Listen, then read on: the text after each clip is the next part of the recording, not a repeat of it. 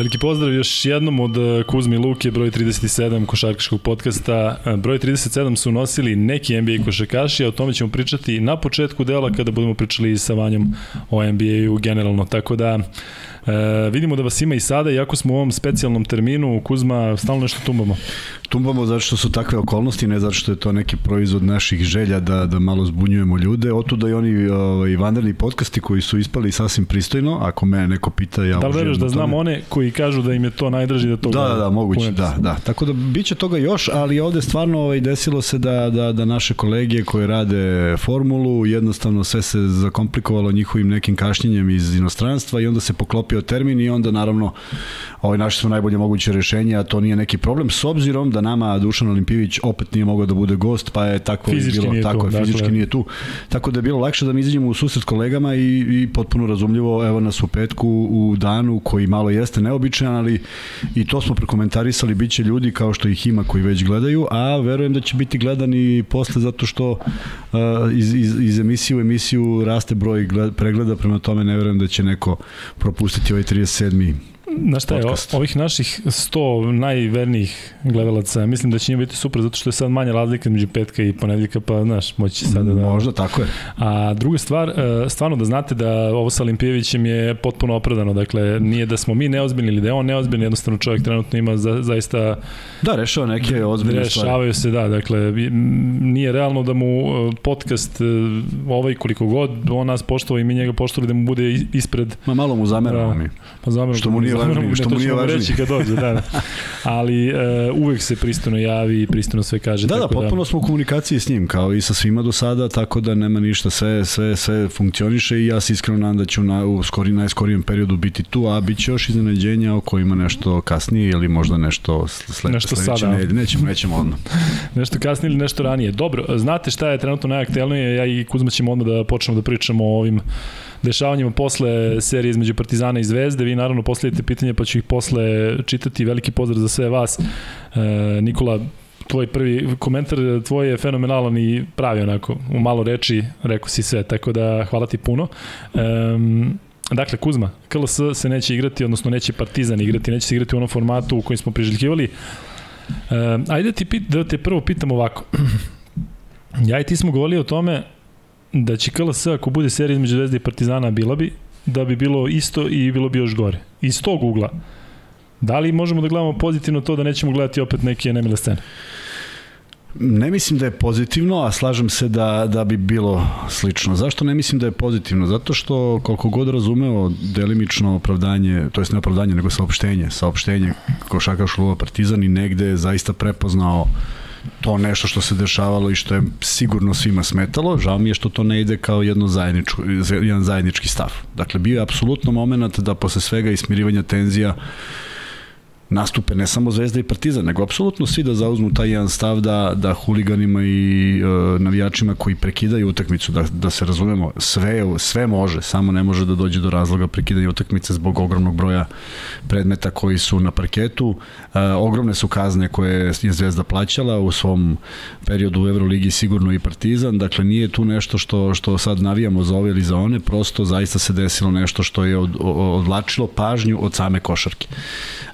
S druge strane, ja teško mogu da tvrdim i da znam šta se desilo na tom sastanku u septembru, oktobru kada se ustanovljavao sistem takmičenja za ovu sezonu, koji je, složit ćeš se, menja se i sezone u sezonu. Sve zavisi u stvari dokle doguraju klubovi u Euroligi i primetili smo razliku od onog momenta kada je Euroliga dobila taj ligaški format, nema više grupa, nema više ispadanja i onda je došlo do apsolutno nemogućeg momenta da se odigra celokupna Superliga, što bi u stvari možda i bio neki highlight sezona. Ovako je, ovo sve radi se ad hoc, ali mislim da je informacija za ad hoc situaciju bila najavljena, jer sigurno ništa nije bilo definisano. To, u to sam potpuno ubeđen, s obzirom da niko nije mogu da kaže kad će šta se završi, pa videli smo koliko pomeranja Uh, ABA lige je bilo, a to naravno uslovljava i pomeranje kalendara u Superligi. Najveća ironija Superlige KLS je što nema ni jednog učesnika KLS.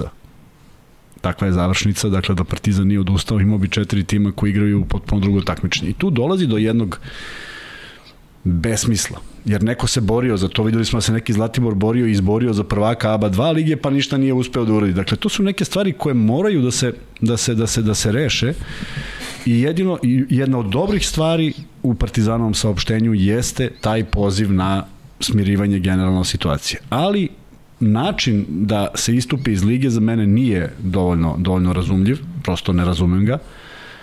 I negde razmišljam da će onda u svetlu svega što se izdešavalo, Zvezda i Mega, verovatno proći Zvezda, a da će onda krenuti priča, eto ko igra finale Uh, Evo krenula je odmah. KLS, odmah finale je krenula, KLS, da. Crvena zvezda, FMP. Da, e, evo, sad ljudi pitaju biti... zašto nije, da li misliš da je trebalo ubaciti možda neku umesto Partizana, kao kada na Kako, teniskom sad ga, turniru? Sad ga pozoveš, danas ga pozoveš kada ajde igrate. Da li oni ljudi treniraju uopšte?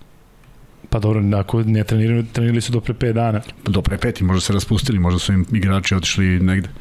Ne može to, ne, ne, tek to ne može tako da. da nemaš nikakvu pripremu. Bravo, ovo je jako dobro objašnjenje za vas, zato što recimo taj borac, ljudi ovde pominju zašto borac ne igra umesto Partizana, nije to baš kao na teniskom turniru, kao što sam ja, meni se učinilo, nema ovoga, ovaj čeka, pa ako neko ne može, se povredi, ne se kako tu spremiš da. utakmicu, kako Jeste. gledao si ih na televiziji pre 4 dana, pa sad kao sad ćeš da odlučiš da igraš. Dakle, to je, to, to apsolutno ne bi bilo ni, ni normalno.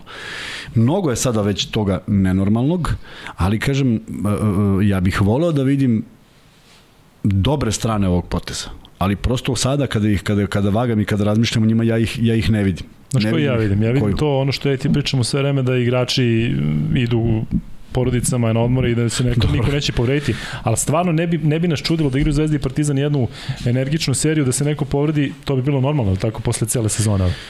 Mislim da je da su i sada podložni tome bez obzira što jedne ekipe da. nema, s druge strane nekako zaokret koji koji ubeđen sam, pazi, ubeđen sam samo u jednu stvar. Kogod je napravio taj zaokret, a veruj mi da ima bilo mnogo više razloga neki manji timovi to da govore prethodnih sezona i u ono vreme kad smo mi igrali bilo je mnogo nepravdi pa se niko ne bi uopšte obazirao, obazirao na to šta neki taj, uslovno rečeno, mali krug. Ali da neko, neko ovolike težine, ovakvog, ovakve tradicije napravi taj jedan korak koji, koji bih razumeo zaista bi ga razumeo i podržao bi ga u momentu da su u septembru rekli mi nećemo učestvovati šta god se bude dešavalo posle, kako god vi osmislili ligu, mi prosto nećemo. To ima težinu.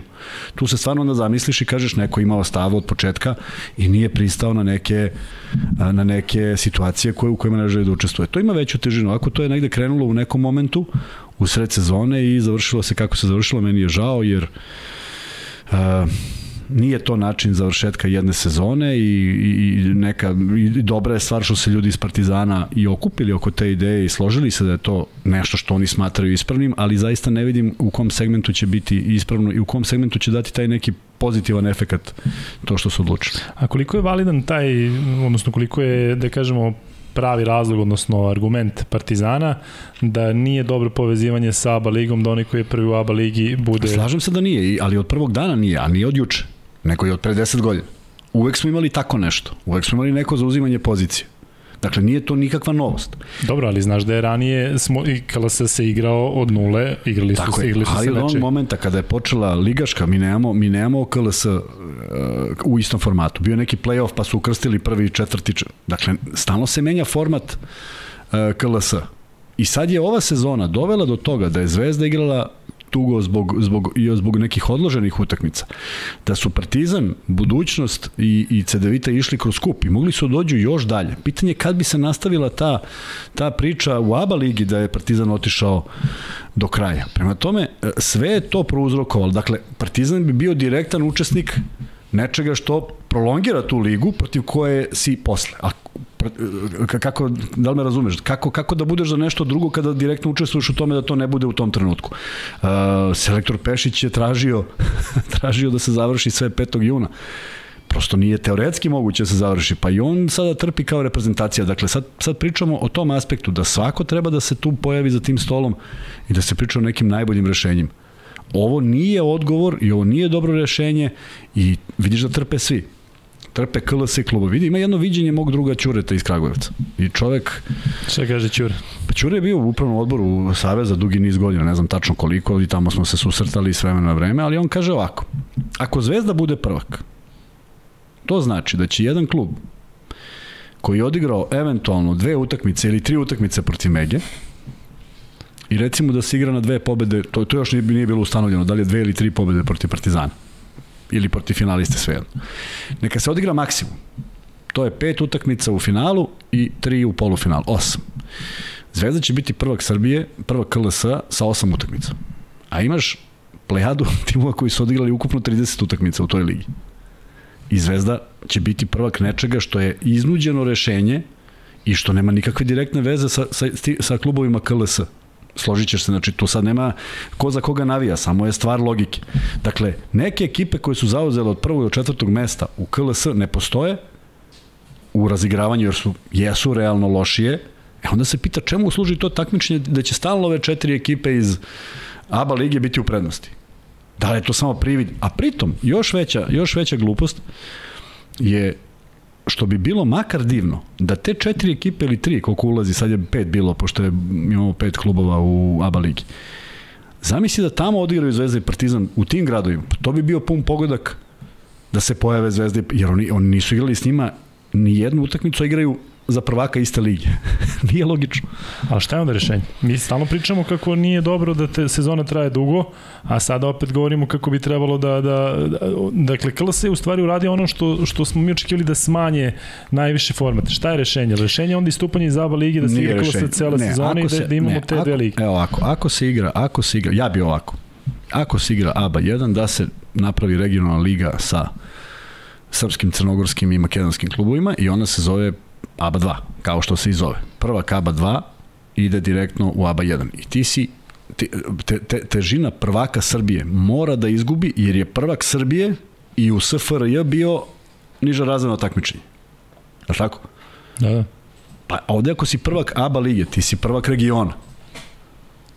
Pa daješ onda prednost ABA ligi u odnosu pa, ne daj mi ja, daju je svi. Ja, jako... Ali kada bi trebalo da se bira, zato što sad na puno nam je dakle, da imamo i e, Fibine prozore, da imamo Euroligu, Eurocup, e, evropska takmičenja, da imamo i KLS ligu i ABA ligu. Ja sam uvijek bio za KLS, da nema ABA. Pa kažem, to je možda i najbolje. Pa, ali ne može to sad, ne može, na, na zašto ne može to tek tako? Zašto je probni balon bili su bio Dino Rađa sa hrvatskim ekipom. Pa dobro, mi stalno gledamo kod njih. Mi gledamo, da. ja mislim da je za spas. da naše klube, tako, tako? Tako je. I mislim da je da mi sad treba, ako je ovo sad neki poligonika, e sad tu je samo problem sledeći, što ti nemaš, što je to treba da ide paralelno sa nekim lobiranjem imaš Crvenu zvezdu koja x godina učestvuje u Euroligi, imao si Partizan koji je to radio, imaš Partizana koji je prvak Evrope, imaš povratak Željka Obradovića, neki lobi ka Euroligi da se Srpska liga kao novoformirana takva, kao apsolutni prvak Jadranske lige 20 posljednjih godina, možda su dva puta omanuli, kažeš da je to taj kvalitet koji donose i da mi tražimo jedno mesto ili makar taj wild card da se protumači da dolazi odavde. Da. da bi ta liga imala prođu, da bi ti imao razlog zašto napuštaš ovu ligu, koja de facto ne vodi u Euroligu, ali ovaj region treba da ima predstavnika, to je, to je tako formulisano, nije formulisano da ti je zagarantovano, I ono što je veliko pitanje, naravno da ja želim da vidim i Zvezdu i Partizan, ali pošto je sad Zvezda zvanično bliža ovim osvajanjem i već je redovni učesnik godinama unazad. Šta ako se pojavi još jedna platežna ekipa bilo gde u svetu i izvizna 20 miliona? Jedan će da ispadne. Pa dobro, sad imamo ta dva upražnjena mesta. Ali dođe još dva. A dođe još četiri. A šta kad dođe pet? Ako se stvarno to podine. To znači da nemaš ni to mesto, jer ne možeš da konkurišeš. A, Euroliga konkuriše na principu novca. Svako ko se pojavi sa velikim novcem i sa jednim sponzorom. Videli smo kako je Darušofaka uletela pa izletela. A bio je četvrogodišnji projekat da će tu sad blat, da će tu sada ne znam šta da se desi. Ono, oni su osvojili Eurocup, dakle taj projekat ne možemo da kažemo da je prošao tako da nije Ne, ne, pri, privlačenje, privlač, pa da li privlačenje je bilo od doguša, od financije su tako bile je, bitne. To je bilo uh, mnogo važnije nego šta će se desi sa ekipom koja ima pravo jedno godine učešća, pa sledeće godine više i nema, ako ne ostvari neki rezultat. Dobro, Euroliga generalno nije profitabilno takmičenje, koliko razumem, to su ljudi... Ali sve se bazira na novcu, to je ono što je problem. A, ajde samo sad kratko, kada pričaš već o tome, uh, onaj poziv FIBE Partizanu pre godinu ili dve da pređu i da čak dobiju pare za to, da li da bi to možda bilo bolje za Partizan? Mislim, znamo koliko volimo Euroligu, Eurocup, koliko su kvalitetne takmičenja, ali opet znamo ko je sve prišao FIBI, dakle jedna Unikaha, jedan Bamberg, e, turski klubovi Galatasaray koji je bio standardan u Euroligi, osvojio Eurocup, dakle Unikaha isto osvojila Eurocup, ako se ne veram. Ja mislim da su i oni prišli zbog, iz, iz istog tog razloga nedostatka novca za, za Euroligu, ne zato što su zaljubili ovo takmičenje koje ima čudan naziv Liga šampiona. Da. Malo je pretenciozno. A, mislim da bi u jednom kratkom periodu to imalo neki smisao, ali prosto, kako bih rekao, da li stvarno želiš da igraš protiv najboljih ili da igraš neko... Partizan je igrao Fibinu ligu šampiona, tako, pre nekoliko godina ulaziti. Tako biš? Ne znam. Nećeš? Ne. Ajde, možda ja grešim, to ću Ne prvo. znam, stvarno. Znam da je bio onaj raskol tamo kad je počeo raskol Evrolige, da su, da, da su tu bili podeljeni, pa znam... Ma pošto igrao je smo- Partizan, FIBA, FIBA Dobro, i ti Ajde, vi, kažeš. vi nas u, podcastima, u komentarima Da podsjetite. li su, da. Da, sećam se da je pre 5-6 godina, sećam se ono... Ne znam zaista. U svakom slučaju, u svakom slučaju video si ja mislim da je Fibi sad ideja da privuče, nije čak ni ideja zašto i koga, nego samo da bude neka kontra. Tako da i tamo ima tih motiva koji nisu vezani isključivo za za ovaj uh, za sam kvalitet ekipe koliko da jedni drugima naude. Dakle, sve zavisi od njihovog razgovora. Ali ako se sećaš, pre dve godine bila neverovatna, ili možda čak i prošle godine, neverovatan spin koji se pojavio novina, ko se sve sad odlučio, kaže, za FIBA ligu i kaže Bilbao. Bilbao u tom trenutku 17. u Španiji nemaju novca za Euroligu, Da, pa su se oni kaže, da. odlučili da igraju, kao to je sad neki plus, to, mislim kako bih rekao, to nema nikakav smisla. Oni nikakav... su bili pred bankrutom i ovi su im dali koliko love, dali 1, 2, Tako 3 je. I sad to miliona. kao spada u kategoriju Panathinaikos isto hoće, Da. kao pa i Bamberg, ovaj, kao i Bilbao, koje to veze ima, nema nikakve. Dakle, nije to reklama, nego antireklama, ali su oni htjeli nešto time da postignu i ne znam šta su mnogo postigli. U svakom slučaju, Partizan želi, ljudi iz Partizana sa svojim trenerom žele da igraju protiv najboljih. Dakle, oni žele da igraju Euroligu. I tu se onda sve potire, sve i način i kako i šta i šta bi bilo bolje. To je jedini cilj svih ekipa. Da li je to takmičenje koje ima svojih mana? Ima. Videli smo ih. Videli smo da su se odigravale utakmice po završetku sezone. Videli smo koji je broj utakmica u jednoj nedelji odigrao Bayern. Videli smo tu hiljadu nekih stvari, ali prosto situacija je takva. E sada, naš je pristup jednostavan. Da li možemo sa svim tim košarkaškim imenima koje imamo, sve da ih angažujemo, samo u jednom cilju, da Srpska liga postane partner Euroligi. Ja mislim da bismo iznedrili 12 klubova dok si rekao keks. Ne baš keks, ali Domaćica. nešto malo Domaćica. komplikovanije. Za dve godine bi se digli opet gradovi ili bi bili konkurentni ili bi se napravila liga od osam pa neki igraju trokružni sistem. Nije nije važno šta bi, ali mislim da taj kvalitet koji mi imamo, evo unazad godinama, mi imamo četiri ili pet srpskih klubova u še, među šest, imamo po jednog crnogorca ili dva, I imamo od pre 3-4 godine CDVitu, koja je bila Hrvatska, sada je Slovenačka. To je to. Krko nisam video dugi niz godina u, u Igokeja bljesne, pa dođe na 6-7 mesto. To su sve, to su sve ovaj pokazatelji da kada se izvuče statistika da su srpski klubovi prednjače u, u Ne, Jadranskoj baš ligi. je tanko. Evo sad se Devita Olimpija takva spojena, pa ima neki, neki Tako domet, je. a opet da Tako se je. ne lažemo, nije blizu Zvezdi i Partizana. Jeste, ali da nismo realno očekivali CDVita Olimpiju u, u finalu. Očekivali da su letili na Partizan. Mislim da tu nisu bile realne šanse. Da, da. A budućnost, pričali smo o budućnosti da su se oni možda ispucali evo, da evo taj juče se projekat... nešto desilo, da je taj projekat negde pri kraju. Da. Da. Dešilo se nešto juče, što da Džikić nije izašao na konferenciju za štampu, pobedili su 3-2, ono što smo pričali da su ljudi pogrešno razumeli, ja ne smatram da igrači nemaju energiju, želju i volju, nego očigledno da evo, ovo su, ovo su pokazatelji da nešto nije štimalo, ko je tu pogrešio i šta, to je za analizu, ali e, nikada mirnija i nekako, kako bih te rekao, neprepoznatljiva budućnost u tom smislu, sa svim problemima koje su imali i evo, bojim se da će mnogo igrača otići, bojim se da će Điki, Džikić napustiti budućnost iako ima još godinu dana ugovor, ali to ovo nisu maniri u kojima se ponaša uh, kada sve funkcioniše. Ma može da izgubiš ili da pobediš, ali prosto ako nešto funkcioniše, ti si izašao i rekao, pobedili smo, izgubili smo, ovako vidi se da postoji nešto iza. Kuzma, ajde malo da pričamo o toj e, situaciji Partizana koja je neko, čini mi se, sve realnija, sve više stiže nekih informacija onako inside, da Partizan verovatno dobija taj wild card za Euroligu. Da li ovo sada što je Partizan uradio, da li to e, je plus ili minus za recimo to što im sleduje? Da li Euroliga sad možda gleda i kaže, aha, treba da vam wild card, Da li je povezan? Oni, oni šalju, oni ovom porukom šalju poruku Euroligi, želimo da budemo kao da je deo Euroligije u tom smislu. I ograđujemo se od svega negativnog što se dešavalo. Ne možemo da kontrolišemo, jer zaista ne mislim da mogu da kontrolišu. Ni jedni ni drugi ne mogu da kontrolišu šta se dešava. ali mislim da šalju poruku, želimo da budemo deo te fine porodice i jednostavno, i to je možda neki plus koji dobiju.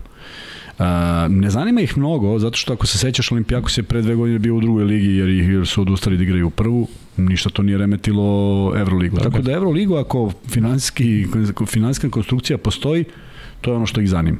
Čak ih ne zanima ni, ni koji će igrači igrati, ne zanima ih. Dokle god je to neka finansijska priča da oni svi budu namireni, isplaćeni, da budu konkurentni, da li će biti prvi, sedmi, petnesti, to uopšte Liver Ligu ne zanima, ali treba im, treba im ono što posle donosi taj jedan marketing, ta jedna divna priča koju Beograd inače šalje, kao organizator, jer stvarno je paradoks. Mi imamo rat uh, svetova, Zvezda i Partizana, onda dođe Final Four na kojem se ne desi apsolutno ništa. Dakle, može Beograd da bude top taj, taj centar sveta u kojem se ne dešavaju takve stvari. Ali tu treba i neka edukacija i neke silne stvari koje smo negde propustili da uradimo. Ne bih volio da vidim utakmice deluju sablasno, ona četvrta utakmica Partizana kad je kad je oduvao Zvezdu, delovalo je potpuno nadrealno jer kamera čak i ne hvata ne hvata ni jednog navijača u tom kadru i da ti deluje da nema nikoga. Tek to nisu utakmice koje su za za pohvalu u smislu nedostaje ta atmosfera, nedostaje to što sport donosi, ali a, mislim da je Partizan u svim najavama bio blizu, podjednako blizu kao i ostali i u suštini veći problem Evrolige je kako sada regulisati te ruske klubove najviše CSKA, jer oni donose to još jedno mesto ili ne donose još jedno mesto. I da će tu zavisiti kako će se Partizan kotirati. Sa druge strane, mislim da Valencija Partizan i ovo što pišu Bursa i ne znam koga su četvrtog stavili. Da su to četiri ekipe koje konkurišu u smislu zaista je teško naći petu ekipu. Evo mi smo mi smo mi smo išli ligu po ligu pa tako smo je, nalazili naš pitanje koliko bi Ulm zanimalo da negde nabavi 8 miliona. U Nemačkoj nabaviti 8 miliona nije ili 5 miliona, nije ni malo jednostavno jer je to 5 puta 2, pošto mora porezi mora... Da, nije, nije kao kod nas, tako? nije kao kod nas. Pa ne vrem da je u Španiji mnogo ovaj, drugačije, da se razumemo. Ne vrem da je u Grčkoj drugačije, ali ali prosto ovaj, ti klubovi moraju da neke stvari ispuštuju prema državi i to jeste i košta. I ne znam koliko se ti obratio pažnju, bilo je jedan moment kad je Bayern futbolski klub sedela 6 sati u avionu zašto im neko nije dao dozvolu zbog COVID protokola. Dakle, uopšte ih ne zanima ko sedi ne zanima ih da li je to Bayern i da li su to pola reprezentacije iz, različitih zemalja sveta. Pravila su pravila. Dakle, Nemci neće naći treći, treći klub i da nema, i da nema ovaj, uh, autoriteta koji su bili u Albi i da nema Bajerna koji je iza, iza Bajerna, pitanje je da li bi se i oni kotirali ovako dobro u Evropi kao što to čine sada, jer Bamberg je bio klub za sve njih u smislu kvaliteta i košarka, košarkaške tradicije, pa puf, nema ga jer prosto nemaju verovatno financije. Mogu i da osvoje ligu, pitanje je da li bi igrali Euroligu. Imate jako dobro pitanje već sada i posle ćemo se vratiti na KLS kroz ovo što pitate, ali sada bih e, volao da vi malo iznesete svoje mišljenje u vezi ove naredne teme, a to je ovo što se dešavalo oko Andreja Trinkjerija. Ja ću prvo da iznesem svoj stav e, na stranu, dakle, sada taj slučaj, ali neko mi se čini da kod nas u Srbiji postoji, e, tu mislim i na futbolske klube pre svega, ali i na košarkaški, da postoji to da kao, znaš, igru si za Partizan, igru si za Zvezdu, pa ajde ti sad nama oprosti dug, zato što smo mi bili dobri, jel to, e, pa slična situacija sa Sašom Obradovićem, ista kao sa Trinkjerijem. Da li je opravdano da ti ljudi traže svoj novac po ugovoru? Uh, jeste. Jeste opravdano. Ali, Jeste opravdano, ali postoji Znaš kako kažu, sve pre, da. ali... Evo ovako. A, krenut ću prvo od Zvezda, da ne bude da sam krenuo prvo od Partizana, to valjda ljudi onda negde pogledaju drugačije. Dakle, konsenzus bivših košarkaša oko dolaska Saša Obradovića je bio 100%. Svi, svi do jednog smo mislili da je to pravi potes koji Zvezda radi. Zvezdino dete, jedan od malobrojnih reprezentativaca iz Zvezde u tom periodu, čovek koji je nekako uvek bio sinonim za, za, za, za Crvenu zvezdu, odlazio, vraćao se. Dugo su ga i čekali. Tako, tako, tako se da uvek bilo kao jest, da. I poklopilo, sad je on slobodan.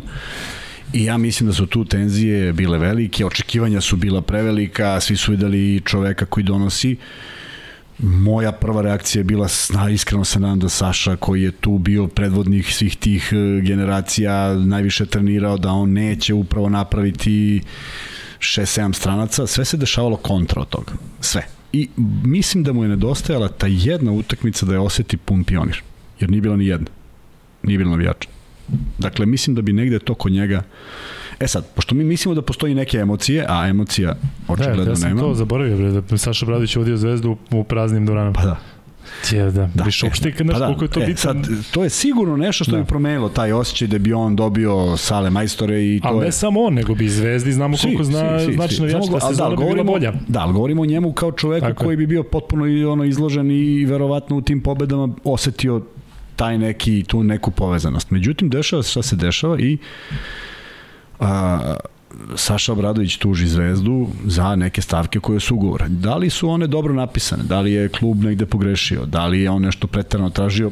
Zaista ne ulazim. Znači, ako mogu pričam u svoje ime, u svoje ime, ja kad bi morao da napustim nešto da ja osjećam da sam imao deo odgovornosti da takav rezultat, ja bi otišao i rekao, braćo, vidimo se u nekim boljim danima. Ali to sam ja i uopšte ne treba da budem merilo da, da je to pametno. Nisam ja mnogo prolazio finanski u životu dobro sa takvim stavom, ali to sam ja. On nije takav i tražio neke stvari po ugovoru koje je neko potpisao nadajući se sve i verujući u ono. E sad moram odatle odmah da se prebaci na Trinkjerija. Trinkieri isto to ima ugovor, tako, isto neke stavke koje sad peglaju po društvenim mrežama šta je tačno pisalo, ko da to nekog baš preterano interesuje, ali sve dolazi, sad sve dolazi, znaš, sad, sad je to toliko Jeste. dramatično što piše, ne znam, koliko je koštao stan ili koliko je čišćenje ili ne znam šta god. Ali, on pravi jednu veliku grešku, po mom mišljenju. On pita novinara, ti stvarno mi da sam ja došao ovde zbog para. I to ostane zabeleženo. O, to je on izjavio da li mi mislimo da je on došao u Partizan zbog para? I onda isplivaju ove, ove neke cene. E sad ja ne znam zašto je on došao. Dobro, možda je neka vrsta revolta zato što se nisu ispuštovale neke strane sa druge strane. On, to je. Kako sećamo, on je otišao zato što je bio nezadovoljan. On je dobio ponudu u Bajernu, nešto je bilo nekih varnica na, na, na nekim linijama. sve se raz... I on samo e, se nije javljao to, na telefon. To mi ne možemo, to mi ne možemo da znamo, možemo samo pretpostavimo, ali ti kažem šta, šta mediji pošalju koju sliku, to je njegova izjava, nikomu nije stavio izjava, reči u usta. Uh, uvek sam bio za to, da nešto što zasluži, što si zaradio, jer smo živeli u vreme kada ovi sad mlađe, mlađe generacije ne mogu da shvate koliko je bilo teško naplatiti ugovor. I ja ne znam, dva igrača u Evropi koji su naplatili sve u svakom klubu. 100%. Ne naših, 100% bilo kih, e, bilo, bilo kih, bilo kojih. Znaš da je to divno? U Belgiji prosto yes. ne može, ali belgijska košarka je Nemačka, tu gde jeste. Nemačka, to je to. A, Grčka, to Turska. To oprostiš odmah, u startu oprostiš. Ti odmah uplatiš, tamo vratiš. Tako da, e, s jedne strane, revolt navijača postoji, baš zbog tih reči kako reaguje, kako reaguje masa, kako reaguju oni najostrašćeniji navijači, oni koji žele promenu, koji žele pobedu. I samo ti kažeš, pa sam ja ovde zbog para. I on ga on kaže, jesi kakav čovek? Došao je ovde jer voli klub, je li tako? A onda odjednom tu sad da li je ovoliko, da li je onoliko i onda naravno sav, sav, sav bes je na njemu. Ne zato što je nešto realno ili nerealno. Jer vidi, e, e, moramo mnogo da znamo ko, ko je, kako je način potpisivanja ugovora, ko šta, kako. Ko je tu? Neko je napravio grešku, a greška je u suštini samo u tome što su ljudi mislili da će biti ovako ili onako. A Nema šta, je, šta mislim da je greška generalno u tom stavu? Ako Partizan i Zvezda gledaju tako, tako da, da treba da se ne znam šta da se nešto oprosti. Pa Partizan i Zvezda su prvi, zašto oni ne urede to recimo kada ode neki igrač u veliki klub? Pa im sad taj klub treba da, mu, da im dođe obeštećenje. Što ne kažu, ako je taj klub u problemu, dobro, braćo naših igrača ste sve, onda bi trebalo da bude i na dve strane, tako. Partizan i Zvezda koji jure nekoga, hoću da ti kažem da ako neko pravi dugove prema državi, prema sve, u godinama unazad i, i futbolski klubovi sve, pa se stalno nešto oprašta, stalno neki krediti banke, stalno nešto, kažem ti, ovo, e sad ovde kao nije im jasno šta i kako.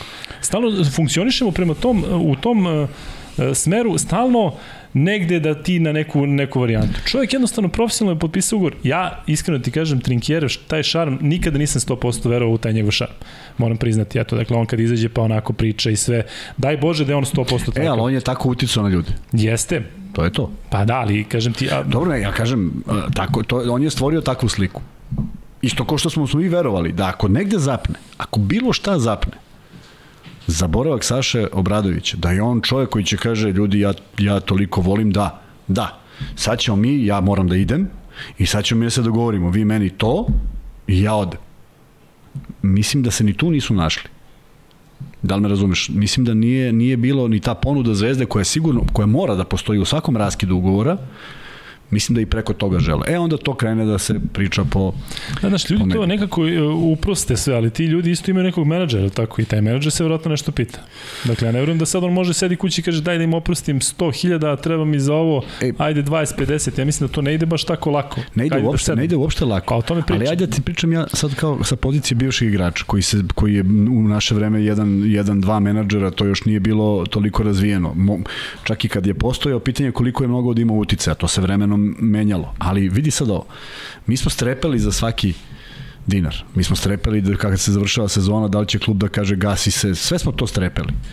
I onda sad ti pročitaš da je Parahuski u Partizanu ošašuljio Partizan za neke nenormalne pare, da su Thompson, gde sam pogodio Thompson?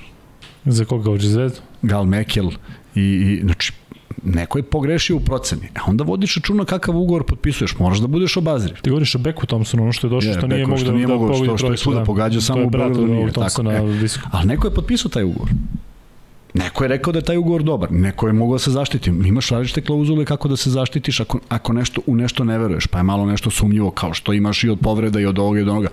Vidi, um, ne šalim se, ali Zoran Stevanović, stragi, popularni, je imao klauzulu da ne sme pređe određenu kilažu. Pa je u Beobanci to bio ozbiljan problem. Jer Darko Russo nije teo to, to da, da toleriše. Dakle, možeš da se zaštitiš, banalan je primjer, nema veze s parama, ali hoću da kažem, tr, papir trpi sve. Možeš ti da se zaštitiš na hiljadu strana i na hiljadu stvari ako nešto može. Šta je, Steva išao gore dole preko granice te, Pa da, da, da. Pa dobro, takav je, ali pazi, to njemu da, da. stvarno nije smetalo. Mislim, tebi, tebi kao treneru ti se iznerviraš što, on, što je on teži nego što je bio, ali Stragi je to nosio majestralno kroz celu karijeru. Yes. Prosto on je odudarao od svega što pomisliš o krupnim ljudima. To, to, to, to je bila sila i pritom znao da igra košarku, što je najvažnije. I onda su svi to tolerisali. Jer on je uvek imao viša kilograma, ali nosio ih je fenomenalno. Neko ne bi mogao da se pokrene sa takvim, sa takvom težinom, on je bio izuzetan. Ali eto, kažem, to je jedan od primjera gde ti možeš nekako da utičeš na igrača na nešto. Ali to je samo njegova svest. Kao i ovo. Da li će onda ovo aktivira ovu klauzulu ili neće? Idemo na svest ljudi, borba je za život, opstanak je u punom jeku i ne vidim da će neko ne, nešto da oprosti. Zato mi je žao što ne možemo da učimo Darka Rusa kojeg pokušavam već mesecima da, da ga nagovorim da dođe da se, da se družimo. On je jedan od tih ludaka, znaš, koji, koji kad mu ne ide on da otkaz. To se nije desilo, ja ne pamtim kad se posljednji put desilo. E to je on još uvek živi u tom svetu i problem je sa jednog, sa jednog, sa jednog neviđenog duhovnog, spiritualističkog aspekta, to je divno da takav čovjek postoji, a da ga pitaš čekaj, ali treba da jedeš sutra, šta te neko bre pita da li treba da pobediš četiri ili dve, ne radi to, ne vredi, to je tako i to je opet, kažem, do čoveka. Da, Kuzma, ajde da se sada malo prebacimo na zvezdu. Mi kada mm, radimo ovaj podcast, dakle, u live-u smo, ali nema mnogo vremena do tog meča između Zvezde i, i Mege. Mm, da li u košarkaškom klubu Zvezda i među samim igračima je ovo sada možda neka vrsta olakšanja, ne moramo opet da se bijemo sa njima. Jeste, sigurno. Ne, ne, ne, ne, ne, to ne, ne, ne mislim. Ali u smislu, evo, uzet ćemo titulu. Da, ne, nije ni to. Mislim da je, da jeste, postoji olakšanje intenziteta utakmica. Vidi, kogod ti kaže da nije uživao u utakmicama, u utakmicama, ne govorim sve ovo što se dešavalo. Niko nije uživao u prekidima, mučni su i za jedne i za druge, niko nije uživao u mnogo toga, ali u samom nadigravanju... To je rekao i Radonjić, košarka je bila odlična. Tako je. Ko nije uživao u tome, taj ne treba da igra ni u Zvezdi ni u Partizanu. A izvini, čini mi se da je možda i najbolja i najpoštenija, najbolja košarka viđena u praznoj hali peta utakmica. Ja, i, i tako deluje, pogotovo tako kad smo gledali. Dakle, je sad, to, je, to je sad paradoks koji, koji, ovaj, u kojem živimo, ali ja ne mislim da su... Ja sad će neko pogrešno da razume. Ja, na primjer, mislim da je najlošija utakmica četvrta utakmica. I sad će neko pomisliti, ej, jeste zato što je Partizan. Ne, baš zato što je Partizan bio toliko dobar. Utakmica nije bila dobra. Utakmica je bila jedan, jedno, jedno razbijanje i tu nema šta ko da, da kaže koji je bio razlog. Jednostavno, Partizan je pregazio zvezdu. Samo što sam ja i tad u trenutku, kada, pošto imam komunikaciju i sa jednim i s drugim navijačima, i kažem, oni koji me poznaju, naravno da su pristojni, pošto su moji drugari, ali ima onih koji, su, koji me ne poznaju, pa su pristojni, što mi je fenomenalno. Ja sam rekao, i mnogima je to negde i poslato poruka, 2-2 je. Znači, da li je pola, pola, pola, 48 i dalje, da. i dalje je samo 2-2, sačekajte do kraja, tako da ovaj, u tim serijama ta, ta pobeda čak neće se ni pamtiti, vidi, Partizan je izgubio seriju i sad mi da stvarno neko priča da je bilo 30 i kusu razlike. A da je u ligaškom delu, Apsolutno bi to bilo jedno vreme od, od derbija do derbija priča o to, jer si ti onda, znaš šta bi se desilo u tom slučaju? To bi bio takav pad za protivničku ekipu. Da je taj odnos snaga realan, ali mi smo videli u tri utakmice da nije, a tek smo u petoj videli da, da nije, jer ovi su odigrali najbolje, ovi najlošiju utakmicu. Generalno, ove ostale četiri utakmice košarkaški vezane, ako izuzmem drugo polovreme Treće, kad se klizalo, kada, kada su fizički igrači mogli da se povrede, do tog momenta i ta utakmica imala ozbiljan intenzitet i ozbiljan kvalitet i prve dve i peta, prema tome košarkaški, ko nije uživao o samo o tom aspektu, ne treba bude ni jednom i drugom klubu. A, tako da Zvezdu sad čeka lakši posao, a s druge strane mora da postoji negde duboko ta želja da, da još jednom pobediš ili makar da igraš protiv njih. A, sve ostalo mi ne ide, ne ide u, znaš, nismo ni imali prijatne situacije kad smo igrali sve te utakmice, pa, pa smo jedva čekali novi susret. Prema tome, žao mi je što Partizan doneo tu odluku, uh, ovo je highlight sezone za Megu, želim da verujem da su spremili neko iznenađenje u smislu da se pokažu u najboljem svetlu. Žao mi je što FNP neće igrati opet utakmice njihovog nekog uh, highlighta sezone. Uh, I vidjet ćemo šta će se desiti u toj utakmici Zvezda Mega, možda su, možda su mladići iz Mege budu nadareni da, da, da, i, i napaljeni da pobede tu utakmicu i da naprave jedno veliko, veliko iznenađenje, jednu divnu stvar za njih. A koliko misliš da je to realno? Malo. Pa ja, ja mislim da je, da je između 0 i 1%. Pa malo zato što zato što je ovo ja, ja, ja stalno pričam ovaj drugi nivo košarke, ne zašto je Zvezda u pitanju, zato što su ljudi u drugom stat, stadionu, u drugom modu, u drugom modu jeste. Da. E, možete da krenete da postavljate pitanje koje god hoćete, ovde imamo mnogo, e, tako da možemo već da pređemo na, na pitanje gledalaca. Vidio sam jedno pitanje, koliko ste visoki nas pitaju? 195, ako se nisam zdudao malo. 197, a ja sam sve bliži 196. Crni Grobar, moj brat, kaže, Luka, brate, moj lošci u prognozama, kažeš neki dan da Fene nema šanse protiv Efesa, ono obrnuto, počistili su kao dva meča sa parketa. Si gledao to? Pa mi igramo kontra, ali nisu. Normalno, ne. Mi igramo za kladionice. da, ti uplaćamo sve kontra. E, ne, ali stvarno, e, ajde tebe da pitam to. E, osvojiš Euroligu, i pukneš kao balon. Pa, I još ti se povredi igrač. Pa i, i, pa, mm. ali igrao je, vas igrao drugu, i ovde piše ljudi, znam, igrao je znam. drugu, ali igrao u pitanju kakvom da. stanju pod čim Ne znam, ne znam šta ti kažem i to je sad, pazi, to je sad postalo najtužnije što je to postalo drugorazredna stvar u svim, jer ako osvojiš Euroligu, da si ti peti u Euroligi, možda i juriš, možda i želiš, ali ovako kao prvak Evrope sad ti treba da dokažeš ko je bolji u Turskoj. Naravno da uvek ima šanse onaj drugi. I naročito Saša Đorđević koji kojem nije uspelo za rukom da dođe do top 8, znaš si koja je to njegova satisfakcija da pobedi prvaka Evrope, ne pobeđuje finalistu, nego prvaka Evrope. Evo, pitanje, malo, već smo delom odgovorili, ali Grobare, Pazi šta ti kažem, neće biti lako ovo do kraja. Znači, evo Efes sada domaćin, vidio sam i da je manje kvote, neće se oni predati. Kruno, šampionski... Simon, Kruno Simon u petoj daje trojku. da, da.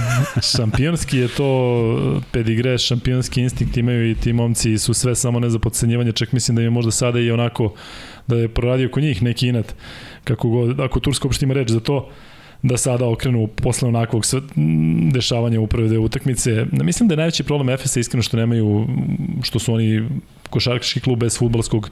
Njihovi navijači su pre 10 godina bili, nisu postojali, sada je to na nekom drugačijem nivou, ali svejedno da oni imaju pune dvorane kakve, kakve ima Fener, kakvu ima Bursa, kakvu ima Galatasaray, mislim da bi da Bešiktaš isto dobro Bešiktaš manje više u onoj Akatlar areni nešto nema publike, ali um, generalno mislim da, da ne bi trebalo otpisivati Efes. Deluje mi da će biti serija interesantna, iako ne deluje tako. Dakle, vidio sam da su ih razbili i u prvom i u drugom meču. Sigurno da je povezano i sa, sa povredom Vase Micića, ne samo zato što on ne igra ili igra e, kako je već igrao u drugoj utakmici, već i na ekipu to utiče, tako da sve jedno, e, ja Efes ne bih otpisivao, a opet videli smo da je Fener u ovom trenutku bolje. Kuzma, šta misliš o odlasku Mura i Voltersa? A... Pita Lexa, Lexa isto postavlja... Mur, Mur mislim da je posledica ovoga što se ne igra i verovatno da olakšaju sebi budžet jer se ne igra. A ne, Walters... generalno, odlazak iz Partizana. Pa nije mi neočekivano. Ipak je on došao nekako kao igrač kojeg se, od kojeg se najmanje očekuje. E, mislim da, mislim da je pružio više od onoga što su, što su mu name, namerili, namenili kao ulogu. Mislim da uopšte nije loš igrač, ali je ali nije igrač koji organizuje igru. On je igrač koji A i nije može... realno taj kalibar. Ako sad treba Partizan da pravi još bolji klub za ne, za, za dalje ne, za dalje Mur- ne, ali mislim da je čak mogao i više ove godine da, da, da malo, e, e, sad naravno ulaziti u to koliko je Obradović želeo da naprotiv da, da izvuče iz Avramovića pa je imao više minuta ili iz Madara pa da je imao više minuta na, na štetu Mura, jer je Mur vrlo jednostavan igrač koji ima odlične, f- ovaj, odlično kontroliše loptu i sam sebi može napravi poziciju zaista kad god poželi, ali to nije onda razigravanje ekipe i verujem da kada bi se igra postavila tako da bi on možda i davao 30, ali bi pitanje bilo ko bi postigao još neki poen, jer prosto nije taj tip igrača. E, tako da jeste, jeste logično, jer za Partizan i za narednu sezonu i naročito ako bude Euroliga treba, bit, treba da imaju boljeg igrača.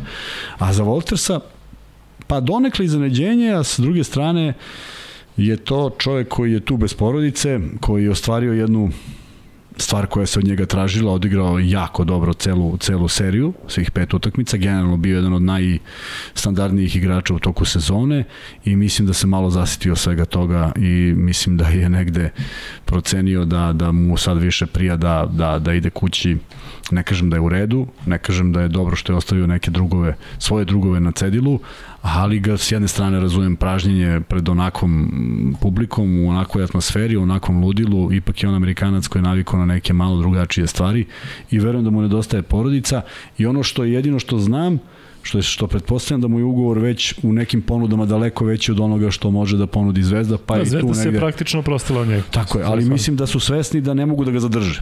Misliš da je to? Pa mislim, mislim da da, mislim da da. Ja, ja ne znam za koliko je Volters igrao, ali po onome što je odigrao ove sezone i po pričama koje kolaju okolo, da su mu da mu je ta cena zaista mnogo skočila prema tome.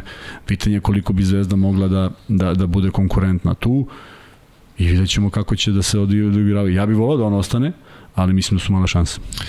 Delimo free betove danas. Delimo, naravno. Ekstra. E, hoće li Partizan sada biti poslat u treći rang takmičenja kako propisi kažu, pita Dejan Krčmar. To je sad ono pitanje za milion dolara. Ne, da, ajde ovako, da preformulišem ja njegovo pitanje. Da li misliš da Partizan treba, da li treba da se drže sada pravila koje to po pravilima, da li treba, ili za će sada da bude telefoni, ajde, pa bolje... Jel me pitaš ili Ne, konstatuješ? šta je bolje? Šta, kako treba da bude? Ma za košarku, šta ima da znači za košarku da se Partizan prebaci u treći A šta je treća liga naša? To prva B ili je prva srpska? Sad naš Treća nije. liga, treća liga naša je prva srpska. A prva A, prva B, KLS je srpska. prva. Je li tako? Da, Pa je onda prva B ispod. Pa ne, ne znam da li računaju ovu KLS, ovaj format sada, razumeš, kao ovo, KLS, ne, ne, ovo je Superliga KLS. Da sam si je rekao. KLS igraju klubovi koji ne igraju KLS, tako? Tako da li je to dva KLS, Ne, pa ideš u prvu B, ne, ne, ne. i u prvu srpsku. Prva srpska. E, e, centar. da, da. Beogradska I zona. onda Da. gledamo, ne, ne, vidi, ja se slažem da treba nekada i te kazne, ova, ova, ova se nije, o, ovo je napisano, ja mislim, znaš, kao kad bi napisali i onda će da odlete u svemir.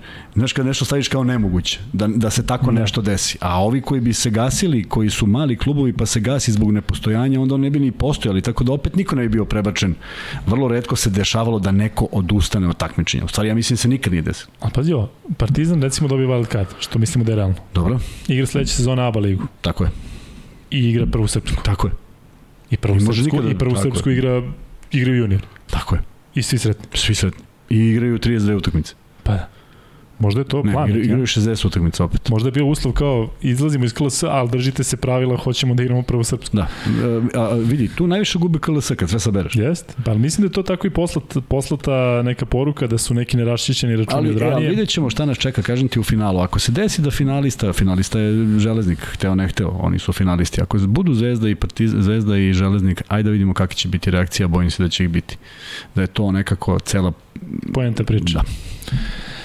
Dobro. E, Vukadine, e, neću da pročitam ovaj deo gornji tvog pitanja zato što je predugačko, dakle samo ćemo ovaj kraj, ne zato što imam neki problem što više potpuno se slažem sa svim što si napisao, mogu li, ali mogu li tako nepomeljivi stavi doprineti smirivanju tenzija? Da li znači ovo, mada smo u suštini rekli, da li misliš da će sada stvarno tenzija neće biti toliko tenzije nakon što je Partizan istupio iz lige. Da li će ljudi praktično, praktično da zaborave? Što ti kažeš, sada će malo da se komentariše Zvezda FNP, Partizan dobije wild card i nikom ništa. Ovako, da se igra u KLS, ko zna u kom bi pravcu dobili. Da li je ovo stvarno, kao što Partizan piše, njihov, njihov korak da se smiri tenzije?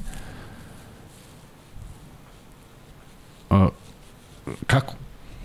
Pa jednostavno odstupiš. Sad ja i ti imamo problem, treba da se odstup? Ja odem i odem kući. I oni odstupe i I evo ga susret u septembru mesecu, prvo kolo ABA lige, Partizan Zvezda. Šta urade?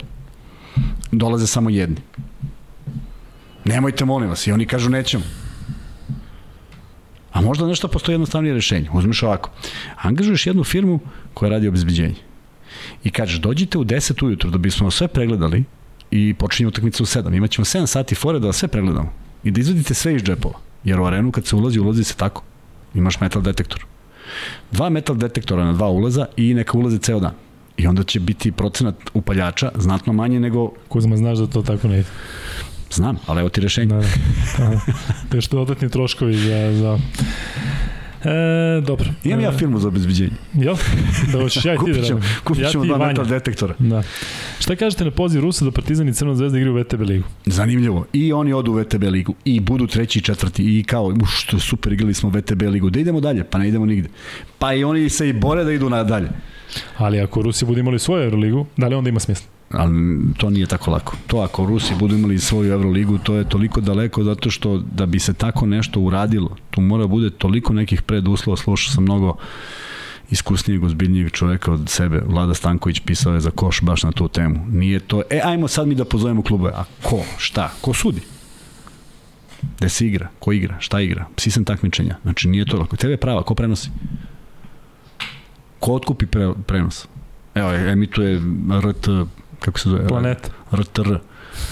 I ko otkupi? Jel smemo da otkupimo? Ne smemo da otkupimo? Naćemo stream neki, ne? Naćemo stream, pa gledamo svi preko streama. Ili u pa da. rubljama da platimo ono. Mnogo, mnogo, mnogo teško. Ja znam da je to bila želja, jer to uvek ono iz, iz, iz tebe izleti i kažeš sad ću ja kontru da udarim, ali nije ni malo jednostavno. Ipak ova Euroliga nastaje 23 godine, 20 godina, 22 godine, nastaje sa svim svojim manama. E sad zamisli napraviš jedno takmičenje za 7,5 minuta, nije toliko lako. Da, Vlada Stanković, e, ne verujem da ovo gleda, ako gleda veliki pozdrav, ali 2000 i neke godine e, smo se našli u Madridu i ne u Barceloni, sad se više ne sjećam ni ja. I odveo me na super neki ručak, dakle oni kao, ali, ali nije oni kao neki fancy restoran, nego je nešto, ono, all you can eat, buffet varijanta i baš smo lepo i pričali i klopali i on jeste veličina u, u toj novinarskoj branši i zaista je pokazao da je takav i ovako kada smo, kada smo pričali, pričali smo dugo, tada je tek krenuo Luka Dončić pa smo pričali onda o njemu, još je bio, mislim da je 16 godina imao, Um, ali e, dobro E, mogu ja nešto sa... sa... Samo da ti kažem da je Partizan igrao, da ljudi komentarišu da je igrao Partizan F, FIBA ligu, samo još ne mogu, da- neki pišu da je Džikić bio trener, neki pišu da je Čanak bio trener. Šta kažeš? Da, ovaj, nekoliko ovih komentara sa, sa ovaj, e, prvo jedan komentar fantastičan, ovaj, moram da ga podelim prosto, i bio je jedan komentar, nije važno ni ko je pisao, ali kaže, malo kulture je potrebno u našem, ovaj, u našem odnosu prema U našem podcastu, a? u našem podcastu je potrebno malo kulture i ja onda prosto počnem i radi želudac pošto ako, ako nema malo kulture nego ima premnogo, možda mu pre, previše smeta, možda on želi da bude malo ali kada mi neko da sugestiju ja, ja, vidi, ja, ja znam za sebe da kad krenem da pričam u Auristu izgubim 200 gledalaca jer ne razumiju o čemu pričam ali ako ovde nije bilo kulture i bilo kakve psovke, onda ja ne znam šta čovjek gleda uopšte na televiziji i uopšte bilo gde. Tako da ga pozdravljam, zato, zato, pozdravljam zato ga, prepoznaće se. Zato Kuzma odgovara na, na Tako na je, i vaše uvek imam strpljenja, osim Dakle. baš na to nisam imao šta da odgovorim. Elem, kaže, e, kaže, u sad sam ja A gde čao. nalaziš to? Koja, koja je to platforma sa kojoj Pa čitaš? komentari naš čitaj, ti bolje vidiš. Komentar na naš ovaj, Na šta, na? pa na naš poslednji onaj vanredni iz, iz, iz tamo, iz A kafane. ja to dok uđem. Pa šta onda hoćeš? Ma, šta me pitaš ne, na kojoj pa platformi Ti imaš tamo Facebook si otvorio, imamo čekaj, sad, Facebook, pusti da kažem šta je rekao. Kuzma, imamo Igorica Proku, Mail. Prokucije, Igorica Prokucije. Instagram. Kaže, odluku od ustajanja od igranja u KLS mogao da donese samo neko ko ne želi dobro Partizanu. Ima smisla. Da li ima smisla?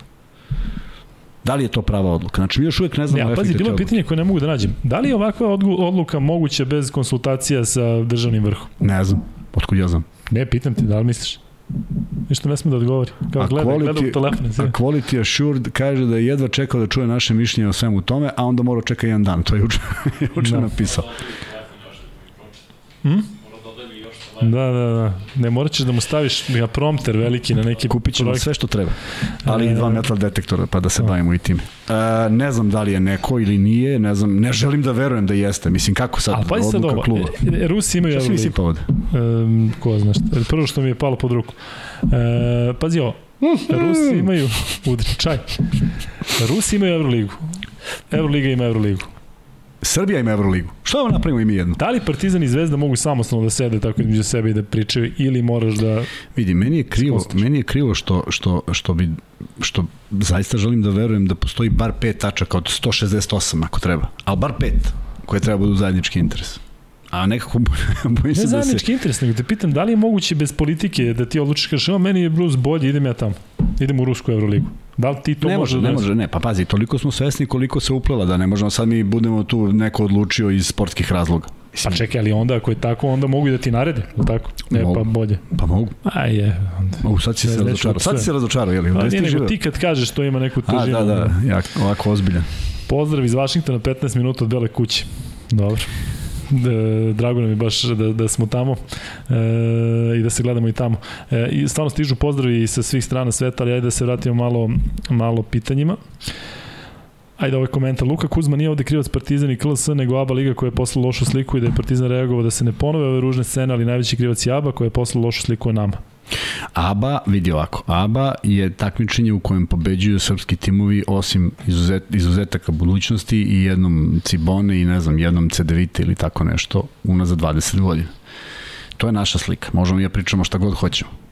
To je slika jer to je slika izašla iz Beograda. A imamo sliku iz Beograda od 19. do 21. maja gde je bila fantazija, tako? Isto tu sliku šalje jedan grad. Pritom Olimpijakosovi navijači, onoliko ih i nije bilo... Onoliko i ništa.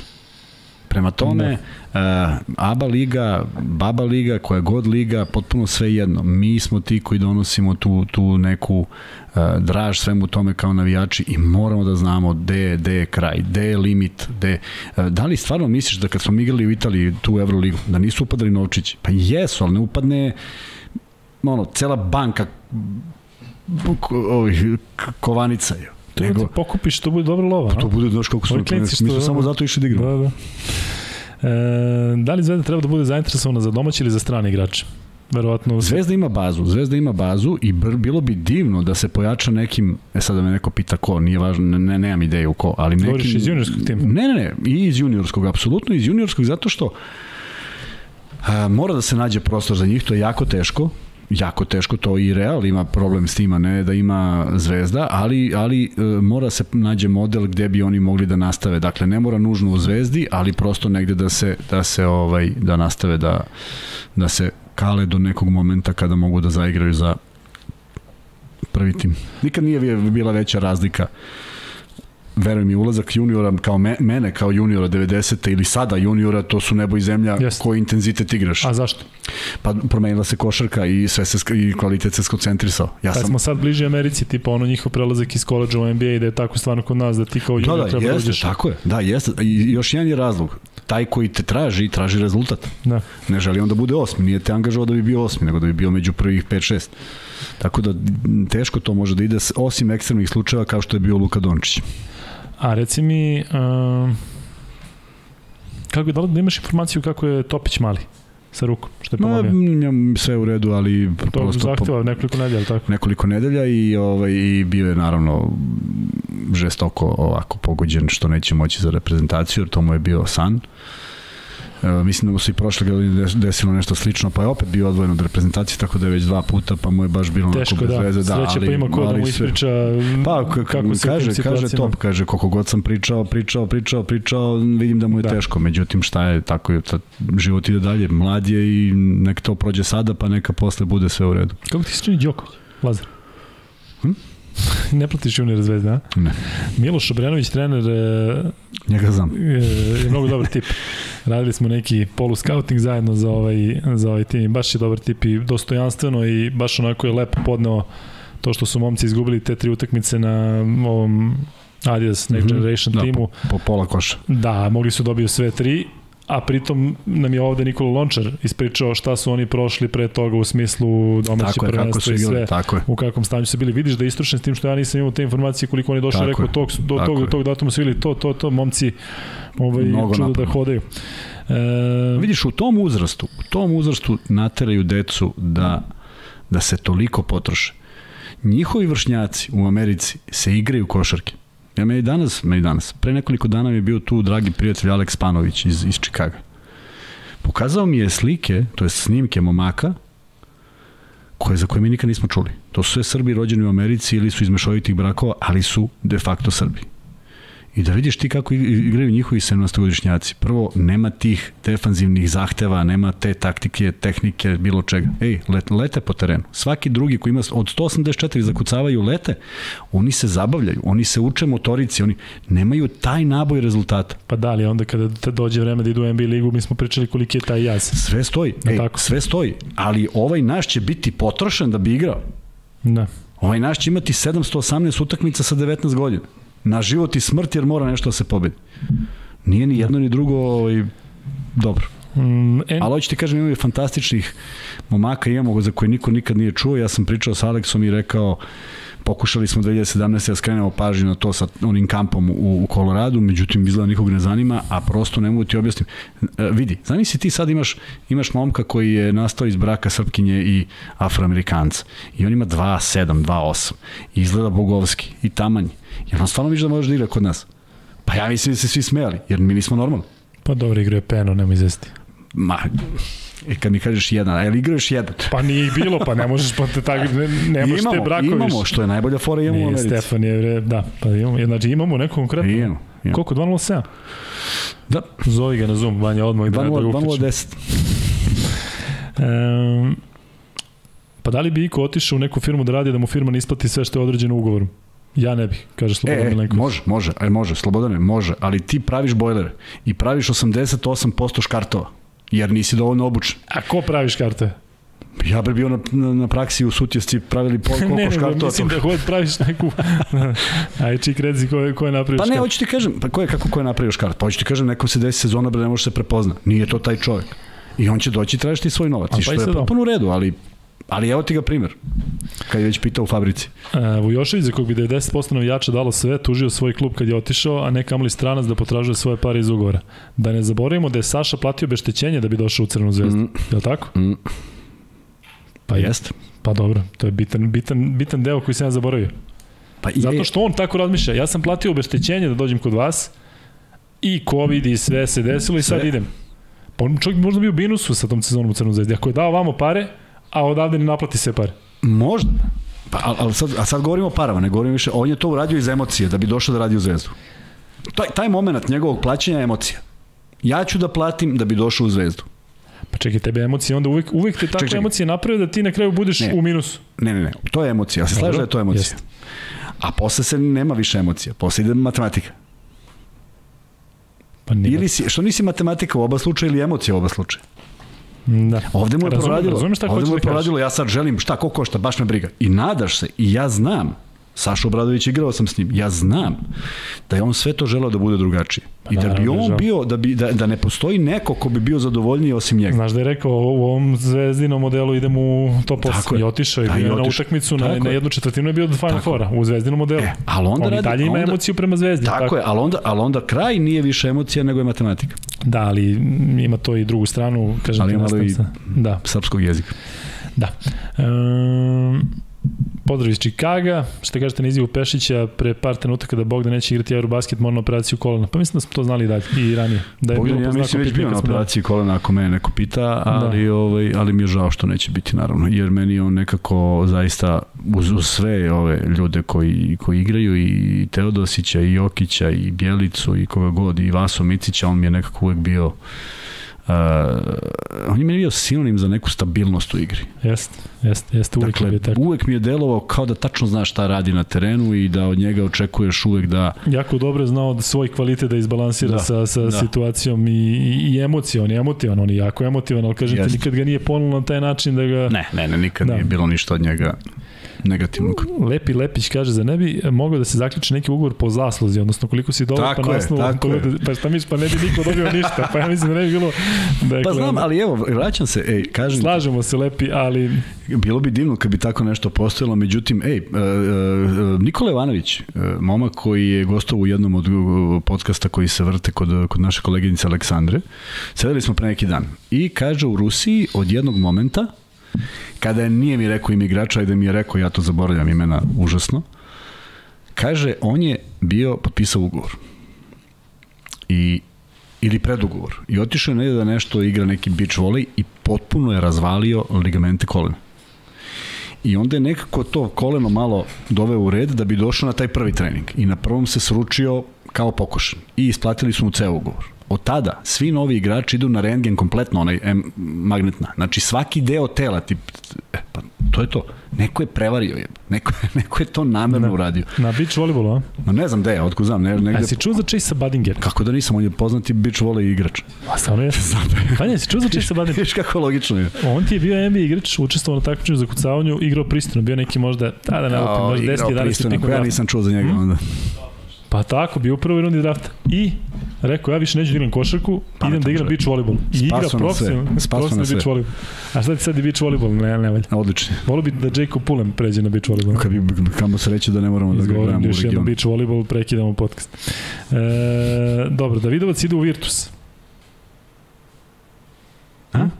Piše, Davidovac ide u Virtus. Genijalno, odlično, žao mi je. Jesi čuo, jesi čuo ti Vanja da Serži Baka, da Virtus juri Serži Baku?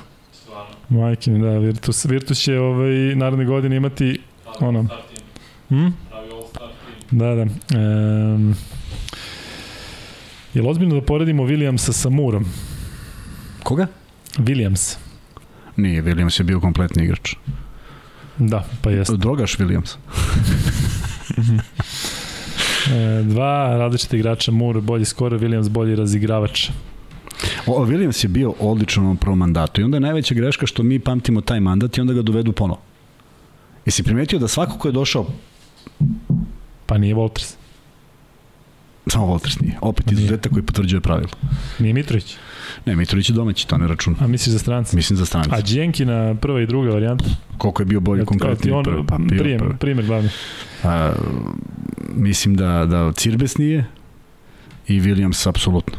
Da, znači Kuzma vam ovako u stvari poručuje nemojte dovoditi ponovo igrače. Na neki način, da. da. Ajmo dalje. Ajmo, ajmo idemo u budućnost, ne Pite u prošlost. ovde, neće valjda deda da ide. Dobrić i deda idu. Ili imaš neke informacije Kuzma? Nemam nikakve. Hmm? Ja, ja prosto ne uverujem da neko priča o tome. Ajde, obrni, obrni par telefona da ovde ljudima, da ljudima kažemo... Halo? Je li to deda? Daj mi kameru malo. e, Muri jedini iz Lesora ima... E, moram, jednu, moram jednu anegdotu. Ovaj, Finac, čuveni trener Goran Miljković. Ovo, ovo nisam doživeo pa prepričavam. Kažu da je ovaj, zabranjivo telefone nešto. Nema niko se javi. Ko? Goran Miljković, Finac. Što je visio sa Kotorom? Što je visio sa Kotorom, Dobro. to ćemo pitati Kotora kad dođe. Dobro. I odjednom, ovaj, znaš, i svi sad malo ljuti što ne mogu da izvonim u telefon, znaš. I onda on uzima ovako i kaže, Igor Kokoškov. znači, onda, onda, se, da, da. onda se javlja. Onda, okay. onda može. Pa i Sagat 89 kaže, Luka kažeš ako Turci imaju reč za inat, a inat je zapravo turska reč. Pa dobro, ali oni ga nemaju u praksi, tako da... Oni su ga izmislili, ali ga ne koriste. Da, Luka Kuzma nije ovde krivac Partizana, da, da to smo prošli. E, gde će Petrušev, Kuzma? Šta misliš da bi bilo? Evo, pitaju opet za Petrušev. E, E, taj, taj prijatelj koji je bio Aleks Panović ispričao jednu, pošto poznaje porodicu i pošto se mnogo založio za Petruševa u Americi i mislim da je javnost američka u, u potpunom šoku da je Filip Petrušev napustio Gonzagu, jednog od, jedan od najboljih fakulteta, sa prilično velikim šansama da bude prvi igrač među prvih deset, gde bi mu negde zagarantovano mesto na draftu posle završetka bilo između do 20, do 20. do 25. mesta. I, I dalje su Amerikanci u šoku. Da je napustio, da je prešao u Megu i da je otišao u Efes u kojem nije igrao. Dakle, ima je, ja mislim da ima jednu strahovitu poziciju u tom trenutku. Doslovce sačekati još malo i direktno u NBA. Ovako će biti malo teži put, ali vidjet ćemo. Mislim, ne, mislim da ga ubilo da pola sezone ne igraš, mislim da mentalno, fizički, a ja ne znam i dalje zašto, on je dobro počeo sezonu, on je na nekoliko utakmica koje sam ja prenosio Turske lige, do duše Turske lige, uh, je bio nešto najbolji igrač. Postoji, nešto double, postoji double što ne znamo, znamo, nešto postoji što ne znamo, ne, ne, neki, nešto, nešto očigledno, jer vidi, ne postoji trener koji isputava igrača koji mu donosi rezultat. Ali čekaj, Ataman Rakočević, Ataman uh, Štimac, Ataman Petrušev, E, misliš da je malo, ajde, Micić, A, Micić mu je dono sve. Znači, pa Micić će mora da voli. Mm. A? Ne znam šta bi ti rekao. Šalim se, naravno, Ataman je, Mico mu je bio omljen igrač, tako je bio u Galatasaray, vukao ga je svuda sa sobom. Pa jest. Um, kog pleja po vama bi trebalo da dovede Partizan? Predlog igrača konkretno. Uš, otkud znam. Šta znam, meni bi recimo bio dobar neki tipe Brad Wanamaker, za koga ne znam trenutno gde u NBA ligi, mislim da je negde igrao neki garbage time ove sezone. Bio je prošle godine u Bostonu, ja mislim, Wanamaker, tako. Um, ali recimo ovo mi je interesantan. Joe Regland je, uživao sam sad u ovim mečevima izraelskog košarkaškog prvenstva Regland. Koga bi Regland u Zvezdi? Regland odigrao celu sezonu u Zvezdi. Nije celu. Da. E, to možda je dobra ta varijanta da ga ne vrtu u Zvezdu nego dođe u Partizan. Viš da je, da je to pa viš da i Teres Kinsi nije igrao približno dobro Terence kao u Partizanu. Bio, da, meni je, me, došao baš u godinu. A znaš što je meni bilo fenomenalno? Šta? Što sam tad radio Partizan iz, iz, iz, u Euroligi i gledao Teresa i sam bio zaljubljen u njega. Uf, razvaljiva. Dakle, čovek koji je apsolutno mogao na polaganje trojku, jedan dribling desno, jedan dribling levo, sve je radio. Sve je radio. I kad je prešao u Zvezdu, u, rekao još bolje, međutim nije bio nije bio to nije bilo to ta igra. I da. možda nije dobio dobro mesto kako je imao.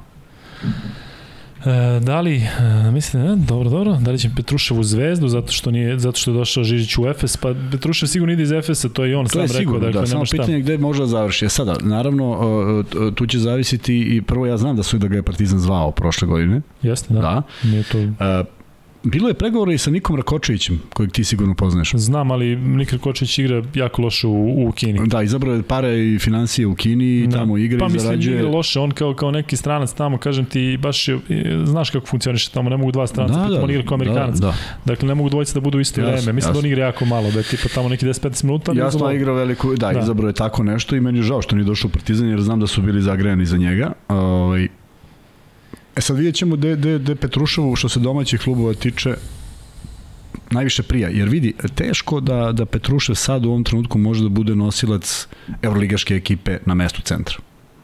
Može, ofanzivno vrlo talentovan, pitanje je da li defanzivno može da pokriva sve te grdosije s kojima ipak nije imao prilike toliko da igra. Jer gledaj, da. on je igrao u Megi i sve je to super napadački i verovatno zahtevi kakvi god i vežbe za napad, manje za odbranu, ABA liga nisu imali baš strahovito mnogo uspeha ove sezone pa da kažeš da su oni tu kroz, kroz sezonu rasli.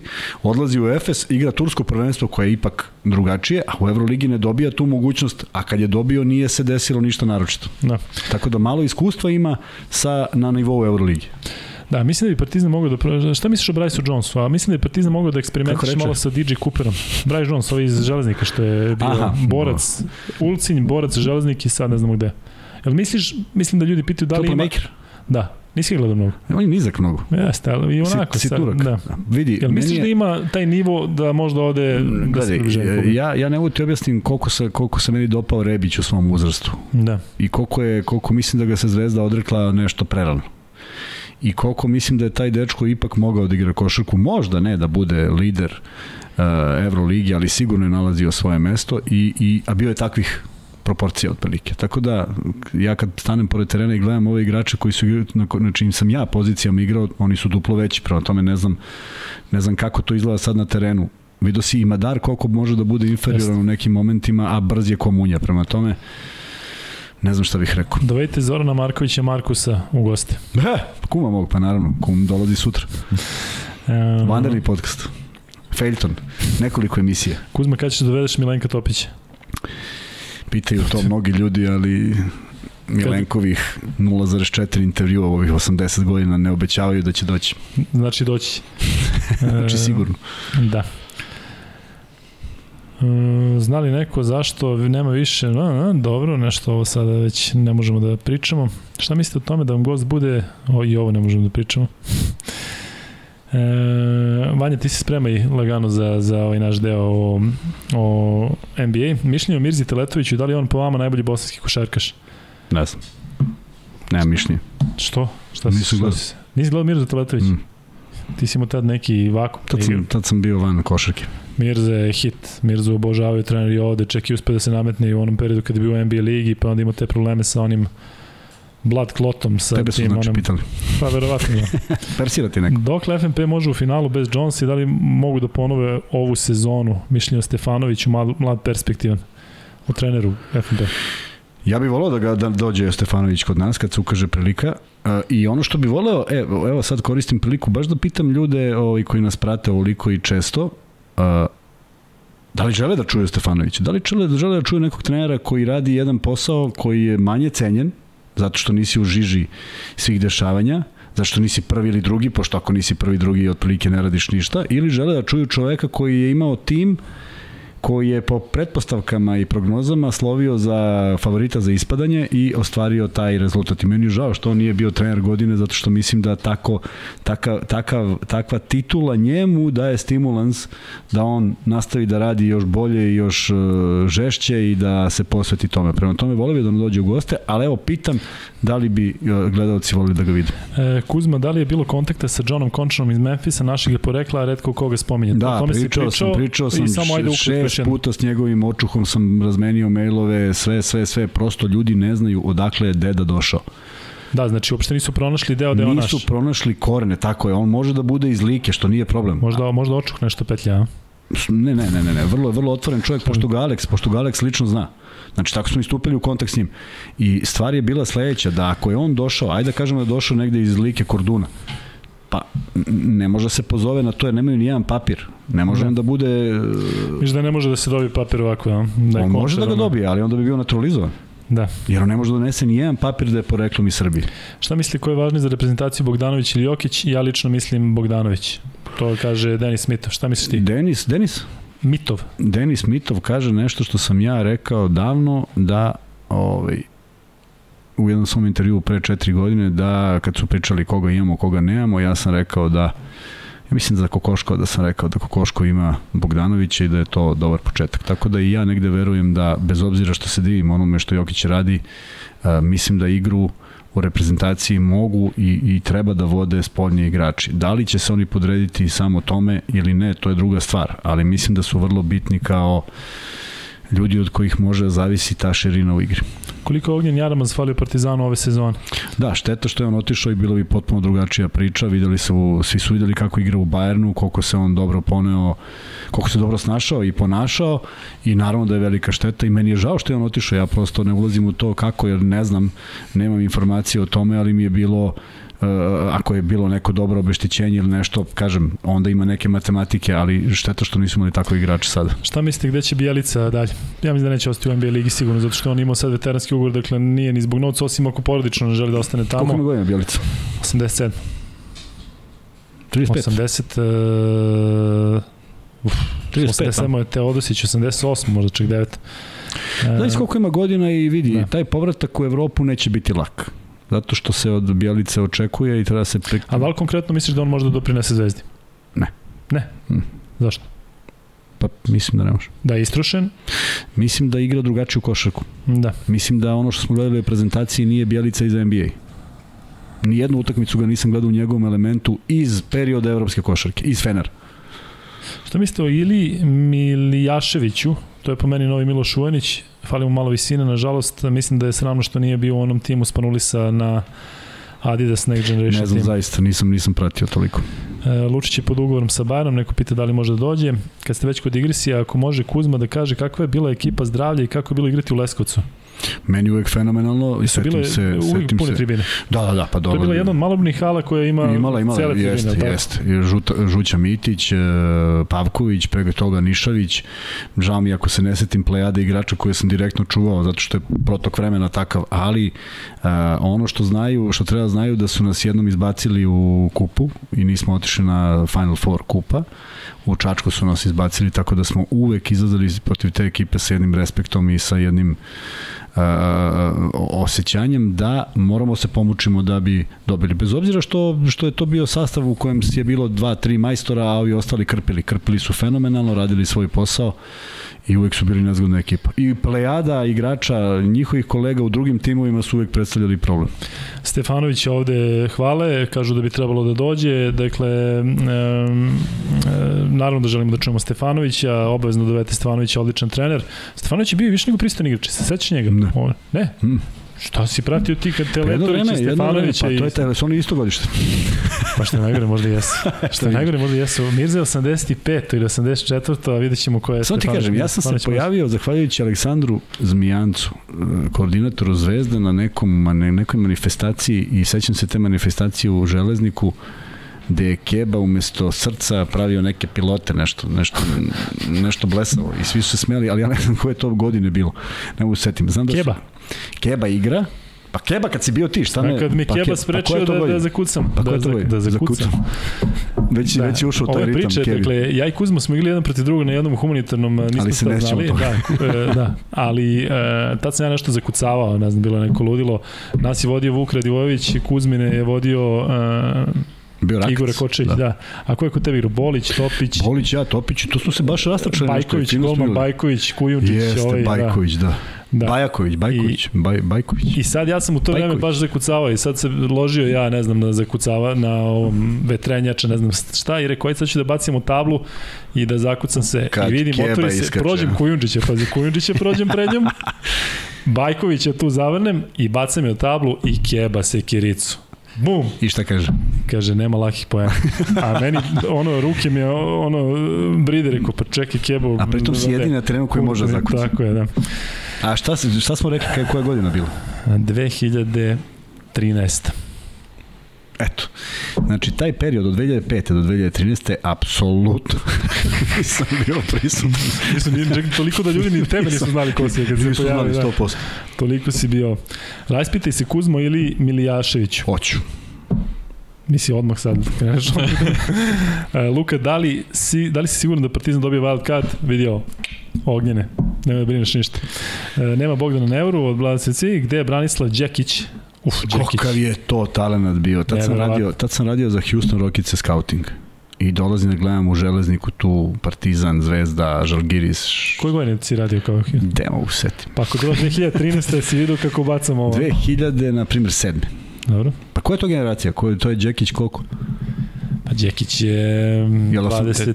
Ili 89, 90? Pa to je to. A? Nije, nije, ne može da bude 90, može da bude mlađe, mislim. Znači, da 92. Ma ne 90. Ne, bre, stariji. Ma ne bre 2000, ne bre 2000. Branislav Đekić, ja mislim 89 ili 88. Pa to, na to je mislim kako onda nije. Branislav Đekić, priče, priče dok ja nađem Đekić. A, Branislav Đekić.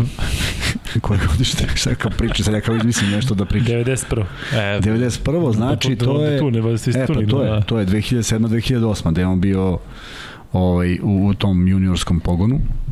To je neverovatna plejada. Ovaj, Čekajmo, gde? Prič. Završio u Kumanovu, ja mislim, da igra u Makedoniji posljednju sezonu. kada? Kako to zvuči, završio u Kumanovu. Pre tri godine, na primjer. Aha. Ili lupetam žešće, ali pogledaj. Uh, nema veze s Kumanom.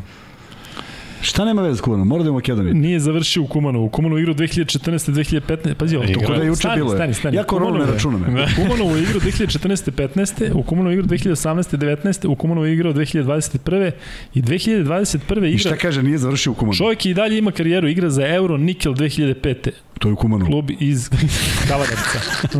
Pa dobro, Tu je promenio je. E, Kuzma je računao period COVID i od 2005. do Covid i od 2013. moje, da. Da, Znači, da. tu ja pre dve godine sam presao da igram. Ali stvarno je vratno kakav je talent bio. Sećaš se, ono samo bilo čudno, onako kosicama, onako. Gledam ga i tamo pišem ono izveštaj i razmišljam gde je ovome kraj. Je.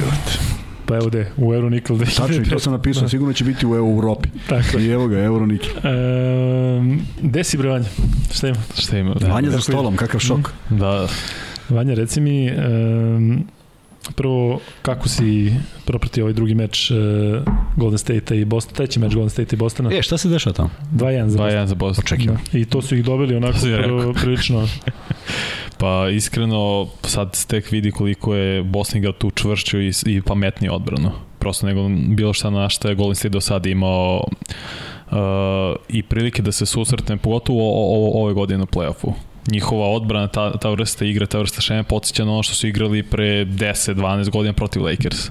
Vrlo, vrlo slično i na tom nivou možda, što tad imao Garneta kao predvodnika odbrane, ali vrlo sličan način igraju sada. i dalje si siguran da Boston uzima titul. Da, u šest. Ćemo bacimo neku opkladu, ja Golden State i Boston. Može. Ajde, ušta ćemo. Večer. Može. Uh, Da li vodimo Kuzmu ili ne vodimo? Kuzma, može, može. A? Vodimo i Kuzma. Ajde. Vodimo ga, pazi, vodimo ga ako uh, pobedi Boston, može? ne, Idemo na večeru svakako, jel? Idemo, idemo večer. E, Fali, taj, fali Golden State nešto da rekao. Još jedan igrač pored Karija koji će konstantno da stvara. Kari stvarno mora da igra na nekom bogovskom nivou konstantno, da, jer se on umori u četvrtoj četvrtini. Obe, sem ove gde su dobili, on prosto prvu i treću rikne. I ne može uopšte da dođe do daha i da igra u treću, izdominira i onda postane, ostane bez gasa. Da, a reci mi, ajde da komentarišemo malo Draymond Green, jesi vidio da je opet ludovao? Vidio sam grozno. Šta se te, da li je moguće on? Ajde, stvarno, da je granic, cirkus, ali on, ali- pazi, on psuje sudiju sa jednom tehničkom. Da, da, to je nevjerojatno da ga nisu izbacili da ga trpe. Pa ne, ali pazi, on priča sad, fuck, fuck, da, što, što ovaj gleda, razumeš, misli se... si ga Scott 15 puta Foster vidio. koji je poznat po tome jeste. da ovo baca dve tehničke Tako ovako po tako je, jednom meču tako mora. E, Jordan Poole, e, Mhm. ajde, završi. Ne, za Draymonda on ima 15 faulova i 15 poena u tri meča. Da. Osvano postaje cirkus od sebe, njemu je bitnije da snimi svoj podcast nakon meča. Ima podcast. e, bukvalno mu je to, to važnije nego da. da se fokusira na meč i ne znam zašto bih ja sebe. Ne bih otpisivao uopšte Golden State i ne bih otpisivao ništa. E, šta više, mislim da dobiju sigurno četvrtu. Eto. Misliš mislio sam- sa sam rovitim da je Karijem?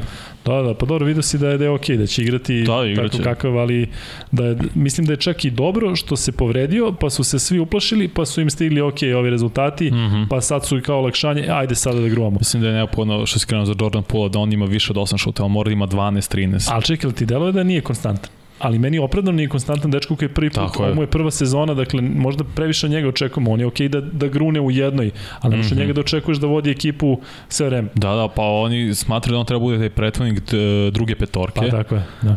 ali ipak prvi put se susreća sa ovim kao što kažeš i sad i njemu treba iskustvo kako se postavi, možda mu, neću kažem frka, nego kao ok, možda ne treba da uzem toliko šuteva kao što sam u regularnoj sezoni, jer on vezao tipa 20 mečeva da je imao 20 plus poena, Da.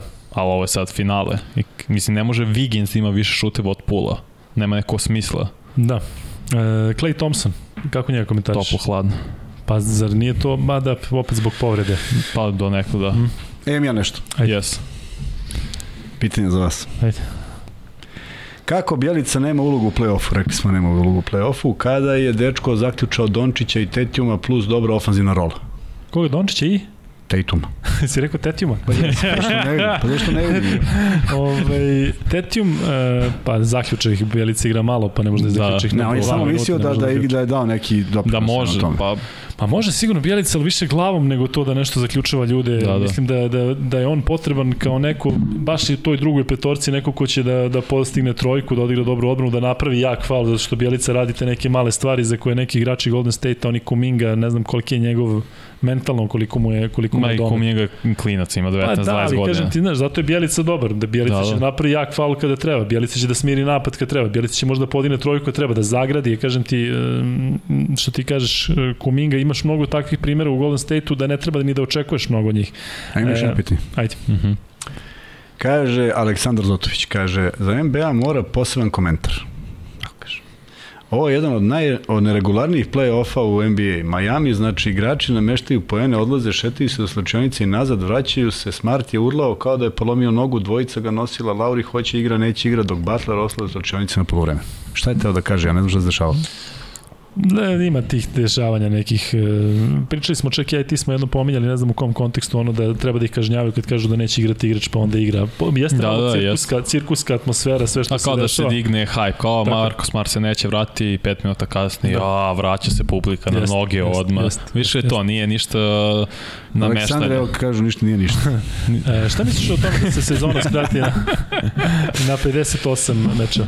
Malo, na 70. Misliš da je 70 mer? Da. Ajde sva troj, svako da smisli po jedno pitanje. Vanja NBA i ti šta hoćeš? Ajde. Što ja ne mislim nešto iz NBA. Ajde. Ko je nosio broj 37, nismo rekli. Ko je nosio broj 37 iz Da, mog da, vremena, koji sam ja pratio? A moraš da naglasiš to vreme. 47 do 49.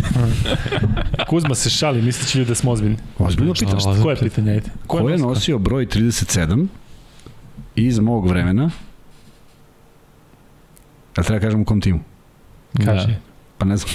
Evo da će U Lakersima. U Lakersima. Ko je nosio Lakersima? broj 37 u Lakersima? Jesi ga prozvao? Jesi ga pročitao? Jeste. Jel u Lakersima nosio? Pa ne znam da li nosio u A, Lakersima. nije nosio u Lakersima. A igrao u Lakersima, primjer, sad pazi, a igrao je u Igrao Lakersima. Lakersima, mislim da I nije sin nosio. mu je problematičan i levoruk je Da. i solidan je trener. Eto, Jest. dali smo vam. I ima onako Mislim smo holandsko, holandsko, zbunili. holandsko prezime. holandsko prezime. E, Mark Van Basten. e, gdje je Luka? Tu sam druže. Ostao sam u kadru.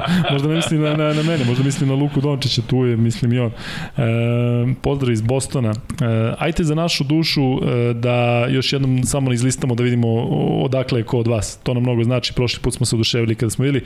Dakle, prvo pitanje je ko je nosio broj 37, igrao u Lakersima, bio je levoruk, igrao je u početkom igrao 90. godina, kasnije bio je u Denveru, sin mu je nešto, jao, ja te nisam rekao, sin mu je problematičan, mislim da neku tragediju ima. Nisam sigurno, iskreno. Ako ne, gledam, nisam, ne, ne znam, ne znam. Da vidim da nije neka tragedija, bre, znam da je nešto sa sinom je... Nisam sigurno, iskreno. Prati tamo odgovore, pusti sad tragediju. Čekaj bre da vidim, napravim beli neki ovde čoveku. Uh. A gleda sigurno. gleda 100%. I razume reč. Koliko je sad tamo? Je? e, pa... Šest, taman, taman nego... Sedam, sedam. Dobio je 60 godina u zatvoru, jeste, sin mu je problematično. Dobro, ga, lakše mu je sad. šest, šest baki, dobro. Sad je okej. Okay, Četiri da. doživot. Ja, bože. Šta kažu? Kažu Tanasis, Ronar Testi nosio 37, Nik Van Exel. Na Nik Van Exel smo mislili, crni grobare, ti si ozbiljna faca da ti kažem, ovo što si im par puta pitao ovde, pa ne, ne mogu da pročitam i šta komentarišeš, stvarno svaka ti čast. Pazi ovo, pozdrav iz Batočine, Indija, Užice, Arilje, Novi Sad. Arilje, pozdrav za Veka Bojevića. Kasni Van Exel. E, pozdrav iz Šapca, Banja Luka, možda je malo prekljedi, su mislili gde je Luka, gde je Banja Luka. Chicago, evo ga Milan Brešanac.